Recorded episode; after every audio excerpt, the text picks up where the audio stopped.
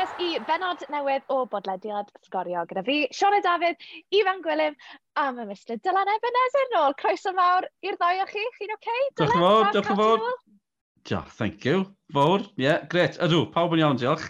Barod i gael uh, crempog, gan bod ni'n recordo hwn ar diwrnod, wel, diwrnod crempog. O, oh, ti'n atgoffa fi. O, oh, gret. Bydd dim mwy ar ôl yn y siops, ddo. O, oh, ffaith. O, dim tomatos, nithwr. Ys y siop, dim tomatos. Be sy'n digwydd i'r byd, mae'n gwedwch?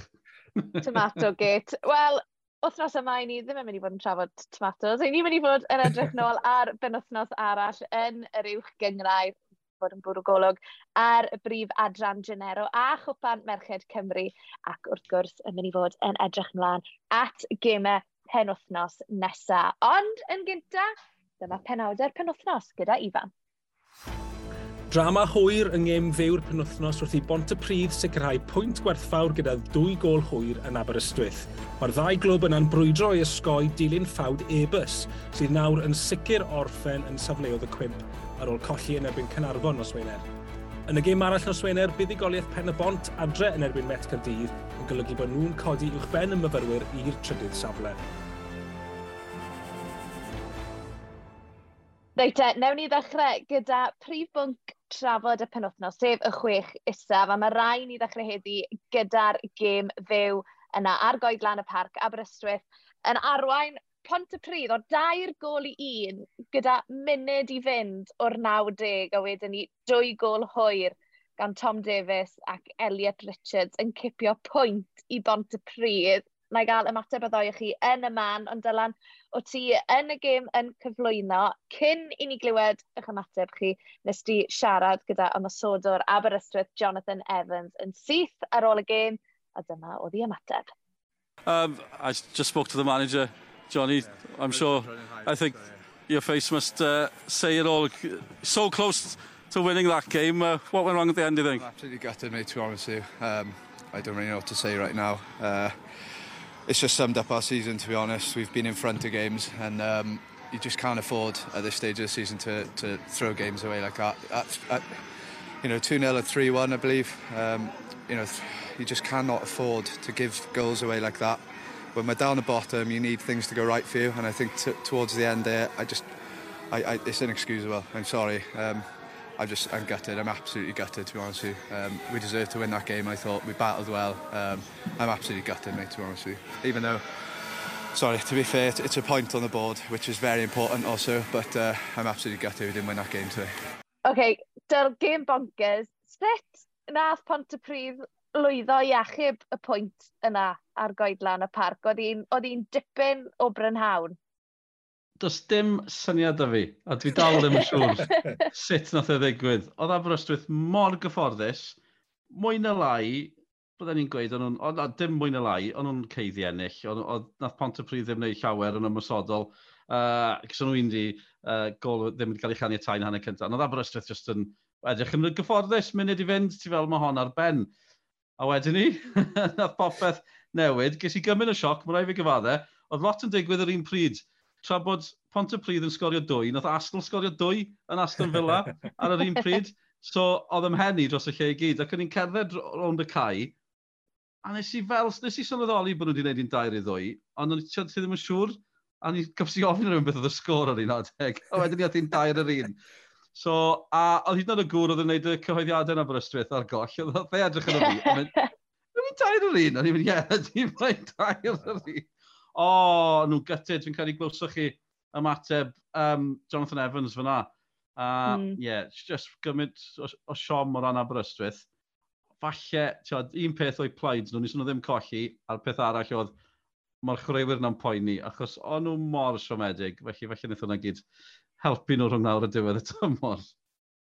Ie, yeah, Ifan, yn seicolegol, beth ti'n credu bod hwnna'n mynd i wneud i'r garfan? Achos mae wedi bod yn dymor hir, mae wedi bod yn dymor eitha poenus i Aberystwyth hyd yn hyn. Ydy, ydy, mae ma di bod patrwm eitha tebyg i lot o tymhorau arall hyd yn hyn, achos maen nhw wedi siomi yn hanner cyntaf tymor falle bod mm. yn y hmm. chwech isa, a wedyn ni cael ail hanner tymor eit grif i fod yn saff erbyn diwedd. Oedd hwn yn gêm oedd fi teimlo oedd rhaid ennill er mwyn cael y momentum i aros lan tro hyn. Uh, mae e-bus nesaf, felly cyfle i gael triffwynt a tyd, mynd nôl ar y trywydd yna. Mae Aberystwyth yn chwarae dwywaith yn erbyn e-bus, felly ti'n disgwyl chwech pwynt fyna. Uh, dim ond unwaith mae Pontypridd yn chwarae nhw eto. A mm. felly ti'n meddwl, beth mae'r gêm, beth sy'n digwydd i'r gêm na lawr ym Pontypridd? Mae hwnna, mae dal Aberystwyth gyda cyfle i ennill fyna, er bod nhw wedi colli fyna yn y hanner cyntaf tymor. Uh, bydd hwnna'n gêm diddorol iawn, achos mae'n mae ddim yn edrych yn dda nhw ar hyn o bryd. Dyw e ddim, a dyl, beth ti'n credu mae'r cynlyniad yn golygu o ran y ras i ysgoi'r cwimp, achos mae, mae mor dyn lawr yna. Ydy mae, ie. Yeah, um, oh, fi ddim yn gwybod, ti'n mae dal amser i fynd, na beth sydd o'i plaid nhw. No. Um, fi'n credu, fi'n gwybod beth mae Ifan yn sôn, oedd rhaid ennill, ond oedd cwpl o bobl yn nodi cyn y gêm o ran criwsgorio, bydde colli wedi bod yn drychinebus iddyn nhw. Mm. Er bod e'n teimlo fel bod nhw wedi colli ar y diwedd na, pwynt, pwynt oedd i cyn y gêm, pwynt i'r bwlch ar ôl y gêm, felly, o reit, oedd ddim yn berffaith. Ond, mae Flint dal yn ddi, maen nhw'n dîm rhyfedd, maen nhw'n chi chwalu rhywun un wythnos, a wedyn colli wythnos wedyn ni. Felly, byddwn ni ddim yn diastyru nhw, ond mae'n teimlo fel pont y pryd a, mae'n teimlo fel shootout neu gyfi rhwng y ddau yna. Mae Cynarfon yn mynd i gwneud hen ddigon, byddwch chi'n tybio bod digon dy holl ffordd, dim gobeith gael ei llusgo mewn iddi, famous last words. Ond mm. ie, mm. yeah, oh, o'n nhw mor fflat. Ond fi'n credu, tiod, os chi'n tro chwilio pethau positif, hwnna byddwn ni'n gweud yw, nes nhw ddim colli, er bod yn teimlo fel hynny. A just angerdd y chwaraewyr, oedd o'n nhw wirioneddol, o'n nhw'n hollol gyda, tiod, a diwch, So chi'n chi gweud os yw'n ddiffiant yn y beidio, fi'n credu, a chi yn teimlo bod nhw'n poeni am y clwb. Pont y pryd hefyd, mae pawb yn poeni am y clwb, ond os ydych chi'n deimlad o gwmpas y lle, ie, yeah, oedd jyst un o'r pnawniau gwallgo na. Ydych chi'n meddwl amdano nhw. Mae pwynt ifan am chwarae ebys dwywaith yn, yn un difyr. Bydd hwnna siŵr yn help, ond mae'r ma gêm na rhwng Aberystwyth a Pant y Pryd. Ie, yeah, mae'n mynd i fod yn belter. Maen nhw'n licor, uh, maen nhw'n licor achlysur mawr Aberystwyth. Maen nhw'n rhyfedd fel yna. Maen nhw'n gallu codi gêm. A dos bosib bod nhw'n mynd i gael clean sheet rhywbryd tymor yma. a dwi'n mynd i'r golwg un llechen lan. Falle mae'n amser, amser i wneud hynny. Wel, i ni wedi sôn am Ebys a'r gêm enfawr yna Ebys yn erbyn Aberystwyth sy'n digwydd nos Wener. O nos Wener drethau nath Cynarfon giro Ebys o ddwy gol i ddim a sicrhau y bydd Ebys yn gorffen ar wylod y gyngrair eleni. Mae hwnna wrth gwrs wedi teimlo'n anochel ers tipyn. Erbyn hyn, maen nhw ar minus 2 o bwyntiau. A dyma oedd ymateb Jake Phillips wedi'r golled yn erbyn Cynarfon. Dwi'n meddwl bod heno yn, uh, yn profi ddim byd, really, nac di, ac anlyn wneud hynna. Um, hwn wedi bod yn digwydd ers bel. Um, arni ddim dechrau'r tymor yn dda iawn, ac uh, ers hynny mae pethau wedi bod yn anodd. Uh, wrth gwrs mae'r hogiau'n troi fyny, dyn ni'n gweithio mor galed a fedrwn ni rheolwr newydd wedi dod fewn gofyn am pethau gwahanol genddyn ni. Uh, ac mewn lot o gemau, da ni'n teimlo bod ni yn, yn chwarae yn oce okay am rhannau o'r gemau ac, uh, ac yn achosi tîmau eraill problemau ac yn atal nhw creu cyfleon. Ond wedyn, unwaith da ni'n uh, uh, ildio'r gol cyntaf yna, uh, dim ots yn pa gêm, mae ma penna'r hogiau mynd lawr ac uh, dyna di'r meddwl yn y stafell newid tymor yma ac uh, mae mor anodd newid. Ifan, ni di sôn am Efes a bod nhw'n ware Aberystwyth, ond ai hwn yw'r perfformiad gweitha eriod yn uwch gyngraedd Cymru o ran Efes? Waw, am gwestiwn. Fi'n ffeindio hwn yn anodd iawn credu ar ôl pa mor wael oedd derwyddo'n llynedd, achos o'n i'n meddwl byddwn ni byth yn gweld tîm o'r wael a derwyddo'n llynedd. Ond yn, o fewn yng nghof i, a sicr o fewn y deuddeg disglair, mm. hwn yw'r tîm gweithio. Wel, yn ystadegol, fi ddim yn gweld nhw yn cael mwy o bwyntiau na nath derwyddo'n cael llynedd, a fi cedi hwnna oedd y record gweithio. Um, Byddwn ni'n syni os nhw'n mynd i'ch ben dim pwynt. Os gewn nhw mwy na dau gêm gyfartal, dwy gêm gyfartal rhwng nawr a diwedd y tymor, byddwn ni'n syni. Um, felly, ie, yeah, fi'n meddwl, sicr. Anodd dadle. Na gywe, mm. mae fe'n... Uh, a, um, maen nhw wedi dal sylw gwefannau sy'n cadw golwg ar beldroed Ewropeaidd hefyd. Nhw'r unig dîm ym mhrif gyngreir oh, Ewrop sydd gyda minws. A mm. nhw a Cremonese yw'r unig dîm ar draws Ewrop sydd ddim di ennill gêm. Ni dal di cyrraedd y pwynt. Fi'n credu bod y Cremonese dipyn o esgus o ran y tîmau e maen nhw'n chwarae yn erbyn hefyd. Uh, Dwi'n am y le gwych i fod, ond mae'r geeks peldroedoedd o draws Ewrop yn hoffi e-bus oherwydd y stat. Um, fel mae Ifan yn gweud, oedd cefn llynedd, tiod, dau bwynt, ddim di ennill, ison nhw drwy'r tymor heb ennill, a nes nhw, tiod, tas ddim Covid y gati wedi digwydd, byddwn wedi disgyn tymor cyn ni. Um, fi'n cofio Canarfon yn ennill un gym troed y ganrif. Mae hwnna'n efo fan hyn, troed y ganrif. Byddwn yn gymaint yn ni yn ôl, just dros i gymlynedd. Fi'n cofio derwyddon cefn yn ennill un gym. Uh, oedd hwn cyn y toriad 2010 ffordd yna. Ie, yeah, felly ti'n mynd y dîm y gwael. Oedd hi'n joc diwedd yn 90au, o ddim yn joc iddyn nhw, bai cemais, oedd pawb yn galw nhw'n bai-bai cemais yn gynnar iawn yn y tymor. Ond yn allan nhw dwy, felly ie, yeah, fi'n credu, fel mae Ifan yn gweud, mae'r ma gweithio ni wedi gweld. Beth sy'n poen i chi bod ni wedi gweld e, y cwpl o weithiau nawr, Ebus, mm. Cefn, Llandudno, dim spel yn ôl, dwy gêm yn allan nhw, e, uh, cwpl o dymorau yn ôl. Mae'n y batrwm bach pryderus yn datblygu fan yna, felly chi jyst eisiau gweld rhywun yn dod fyny, a roi sioed yn y pont y pryd, maen nhw wedi dod fyny, gwario, A drychwch le maen nhw. Mae'n ffordd, mae fe'n dangos fe mae'n gystadleuol, fe mae'n anodd yw'r gyngrair. Ond chi jyst eisiau cael rhywun yn dod fyny mewn um, gwell cyflwr i gystadlu falle yr ffordd garedig o ddweud hynny. Mae'n rhaid i weid, mae'n sbon sboner un byw ac yn gweithio tramor a ddim really yn dilyn uwch gyngrair Cymru, a mae fe'n fysi iawn i fod yn dig iddo fe. Ond un peth wneud fe ofyn i fi bob pen wythnos yw, have Ebers won a game yet. A e fel Bristol City. o'n nhw wedi cael cic o smotyn. Amser fi'n cofio'r ystadegau, oedd Bristol City wedi mynd am amser gwallgo heb cael cic o smotyn. Nath hwnna ddigwydd pen othnos diwetha. Felly... Dyfe hwn fi'n siŵr nath nhw greu cyfrif Twitter am y Bristol City. Fi'n eitha siŵr oedd rhyw gyfrif Twitter yn gofyn yr un cwestiwn pob amser. Ta waith, mae Ebers lawr. Um, diolch am eich cwmni chi tymor yma, Ebers. Ie, yeah, o gobeithio, ni'n edrych ar tymor nesaf yn barod, ti'n dieddol ti'n edrych, yn byd dyfrydol, sori pawb arall, ond Barry, Bai Colwyn, tos e nhw'n dod hmm. yn ôl fyny, wel, mae'r ma, gyngrair mewn un haf yn gallu cael traws newid. So, yeah. mae yna stwff o ran y drwydded, mae angen cadarnhau'r drwydded, mae hwnna'n bwnc ar gyfer podlediad arall o bosib, achos fi yn meddwl, fi'n dachrau cyrraedd y pwynt o fi mewn bod y drwydded yn dal y gyngrair nôl a falle bod yna reolau canllawiau Ewropeaidd le mae angen, ond chi jyst fel, os nag yw bai Colwyn yn gallu dyfynnu haf yma oherwydd rhyw rhywbeth technegol, bydd hi'n drasiedi i roi'r gair yna o ran y gyngred. Felly ie, yeah. na ni draw hwnna rhywbryd to, mae'n siŵr. Ac yn y gêm arall yn y chwech isaf nath Hwlffordd giro'r fflint o dair gol i un. Felly gemau penwthnos yma yn y chwech isaf nos Wener, Ebys yn erbyn Aberystwyth a Chynarfon yn erbyn Blint, a wedyn ni dydd sadwn, mae Pont y Pryd yn croesawu hwlffordd.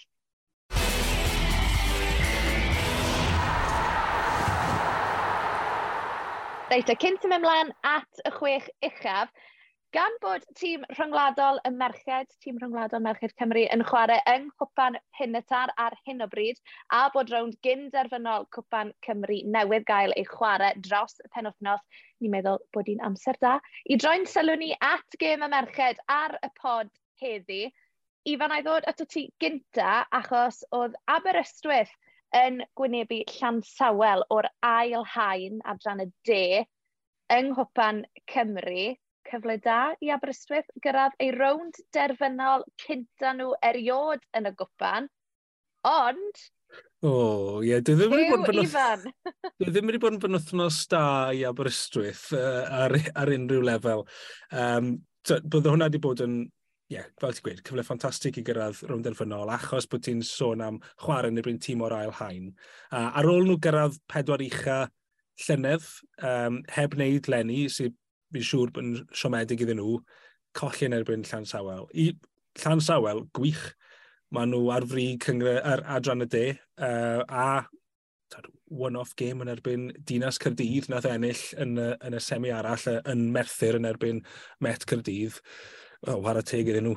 Fi'n licio Llan Sawel fel clwb. Maen nhw'n ma nhw dda iawn.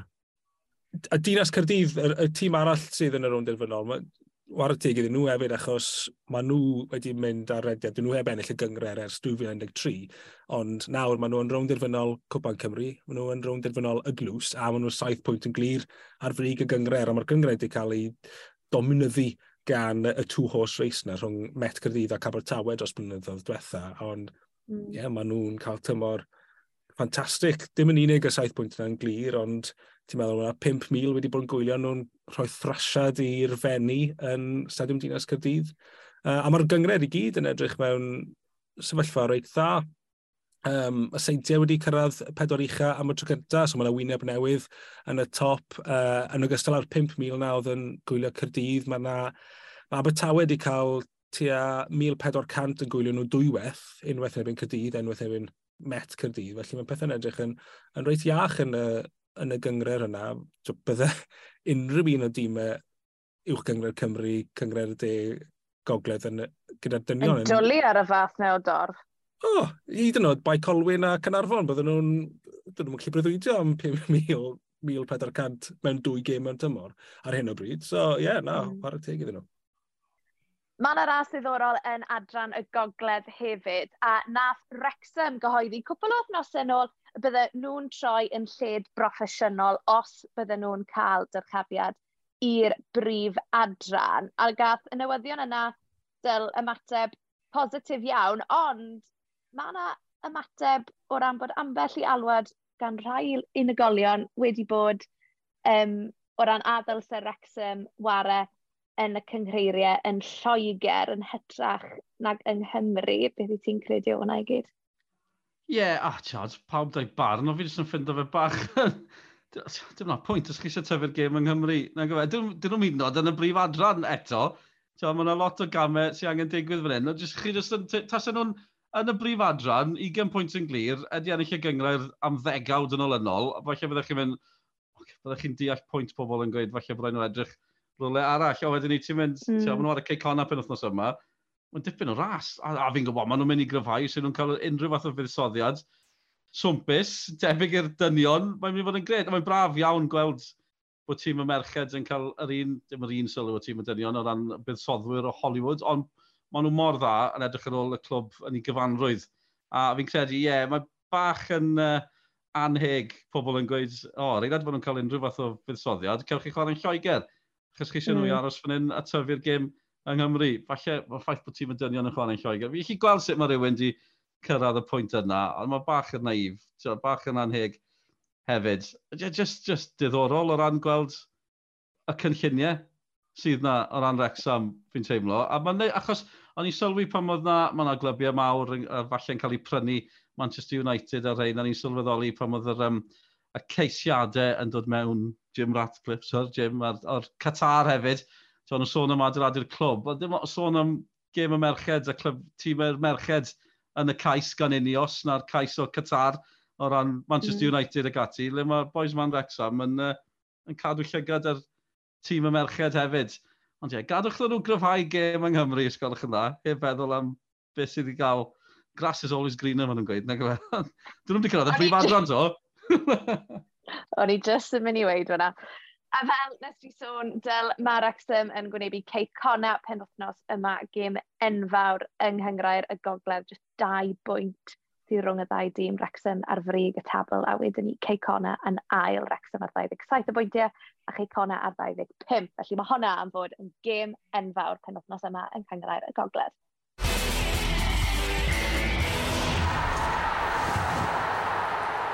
OK, at y chwech ucha yn uwch gyngrair Cymru. Felly, dros y penwthnos, oedd hi'n un ar un rhwng Ceicona a Bala, y seintiau newydd yn fuddigol o gol i ddim yn erbyn y dre newydd a bydd y seintiau yn chwarae adre yn ein gêm fewn ni dydd Sadwrn yn erbyn Pen y Bont. A nath Pen y Bont giro met Cyrdydd o ddwy gol i un nos Wener diwetha, sy'n ganlyniad enfawr i dîm Rhys Griffiths. Ond, Mae yna ond, mae yna lot o ons yn y pod heddi. Eh, uh, mae beth i ni nawr yn galw yn subgate, achos i ni yn ymwybodol bod Cymdeithas Beildrod Cymru yn edrych mewn i'r ffaith bod Pen y Bont wedi torri'r rheol um, o ran subs yn ystod y gêm yn erbyn Met Cyrdydd. Ifan, fi'n gwybod o ti yn Stadiwm Gwydr SCM nos Wener, ti'n moyn yep. esbonio mwy? Ie, yeah, mae fe yn gysylltiedig gyda yr un rheol a nath eb y stori yn gynt yn y tymor, a mae nath nhw cael triffwynt uh, wedi diddymu, na pan maen nhw ar minus 2, um, sydd yn neud gyda faint o elyddion ti'n gallu neud sydd dros 19. So mae hawl ti'n neud 5 eilydd, ond um, dim ond mae rhaid i ddoi nhw fod yn development, felly dan 4 15. Felly dyna'r rheol. A ie, yeah, mi nath nhw wneud pedwar eilydd. Felly... Ie, yeah, mae'n swnio fel un o'r eiliadau yna, le chi just, allai glywed Rhys Griffiths yn troi mewn i Homer Simpson yn mynd dow rolau yn y cefndir. a chi, mae fe, oh, mae fe just, Tiod, a mae fe, mae yna gynsail mae e-bus wedi cael ei cosbi, felly, tiod, dim bod ni eisiau proffwydo be fydd yn digwydd, ond maen nhw'n siŵr o fod yn poeni, mm. bod nhw'n mynd i golli pwyntiau a mae'n nhw'n bod yn neud mor dda. Chi'n just fel, o, oh, o beth yw, fel yn ti'n sôn, cyn i Sioned yn credu, pen y bont ail fan y tymor, mae pethau rhyfedd yn digwydd.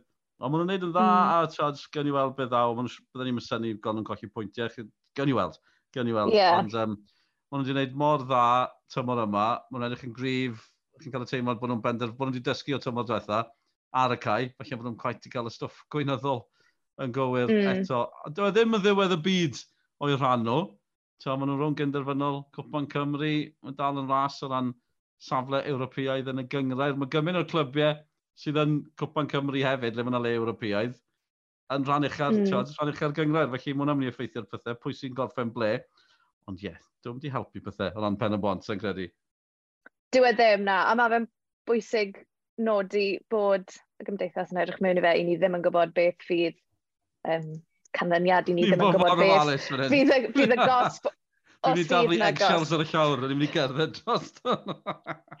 Ond... ddim yn gwybod, ond byddech chi'n cael pan fi'n gweud, ni ddim yn gwybod, ond os chi'n edrych y ffydd y gyddi chi'n rhoi dau a dau hmm. da'i gilydd, a mae fe'n golygu minus dau iddyn nhw. Byddai ddim yn wael o hynny o ran pen y bont, dy beth. Sa'i ma'n i'r pod me droi mewn i wersi mathemateg, fi'n cael flashbacks o fod yn ysgol. Ach, fi. Ond yn edrych mlaen at gym fyw sgorio penwthnos yma pan y bont yn mynd i'r seintiau newydd os i ni'n anwybyddu'r sefyllfa posib o ran y pwyntiau, o ran beth sydd wedi digwydd ym hen y bont. Ifan, os na siawns am sioc ar neuad y parc pen y bont ar hyn o bryd yn drydydd ar 45 o bwyntiau, ond un pwynt tu ôl Ceicona sy'n ail yw tîm Rhys Griffiths o'r diwedd yn mynd i gael buddugoliaeth yn erbyn y seintiau newydd, achos maen nhw wedi dod mor, mor agos. O'n i'n licio ateb Ryan Reynolds i cwestiwn fi uh, ar ôl y gêm nos Wener, achos oedd e reit hyderus, dim, dim o ran coci bod nhw'n meddwl bod nhw'n mynd i fynd mewn na, cennill, ond dim, dim ofn y seintiau yn gweld bod fel mae'r Met yn gallu curo nhw. Ni newydd curo'r Met, felly pam lai. A fi cytuno pam lai, dydw'r seintiau ddim... Fi yn meddwl bod y seintiau ar ei gorau tymor yma, ond fel mae'r tymor di mynd, maen nhw ar rediad bach tawel, tyd, wedi colli uh, wythnos yn ôl a dim ond gol o fantes oedd gyda nhw yn erbyn y drenewydd hefyd. Felly, mae Pen y Bont wedi bod mor agos at nhw o blaen. Fi'n siŵr fydden nhw'n mynd uh, reit agos tro hyn eto. Bydde pwynt, fi'n siŵr bydden nhw'n hapus gyda, ond pam lai cyr nhw? Ie, yeah, nhw sy'n record orau, efe, yn erbyn y seintiau. Chi'n meddwl, um, un gem ddi sgôr, a colli o gol i ddim, eildio yn y funud ola. Uh, mm. Brobol, wrth gwrs. Yn cael, tiod, mae hwnna'n dipyn o record yn erbyn nhw. Pan chi'n ystyried le mae'r seintiau wedi bod tymor yma, fi'n meddwl bydden nhw'n ffansio i, uh, ffansio i oh, ffansio i chances dyn nhw'n Gymraeg da. E.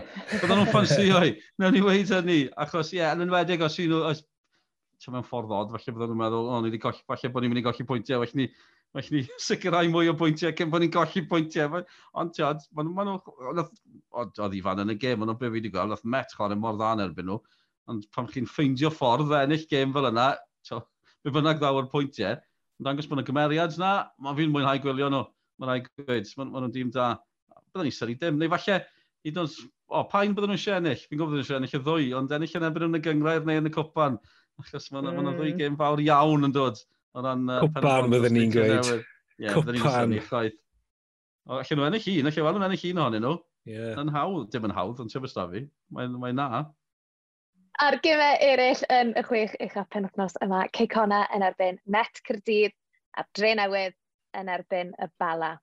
Wel dyna ni am y benod yma, cofiwch ymuno gyda ni am gêm fyw sgorio penwthnos yma rhwng y seintiau newydd a Ffenebont. Ymunwch gyda ni ar eich teledu clyfar i wylio am hanner awr wedi diddeg dydd Sadwrn yma. Ifan, Dylan, diolch yn fawr am eich cwmni chi. Diolch i ti. Diolch A diolch i chi am rando. Wylwn i chi tro nesaf. Fi'n mynd i ffind y tomatos. Dwi'n rhywun gyda tomatos, cysylltwch y sgorio.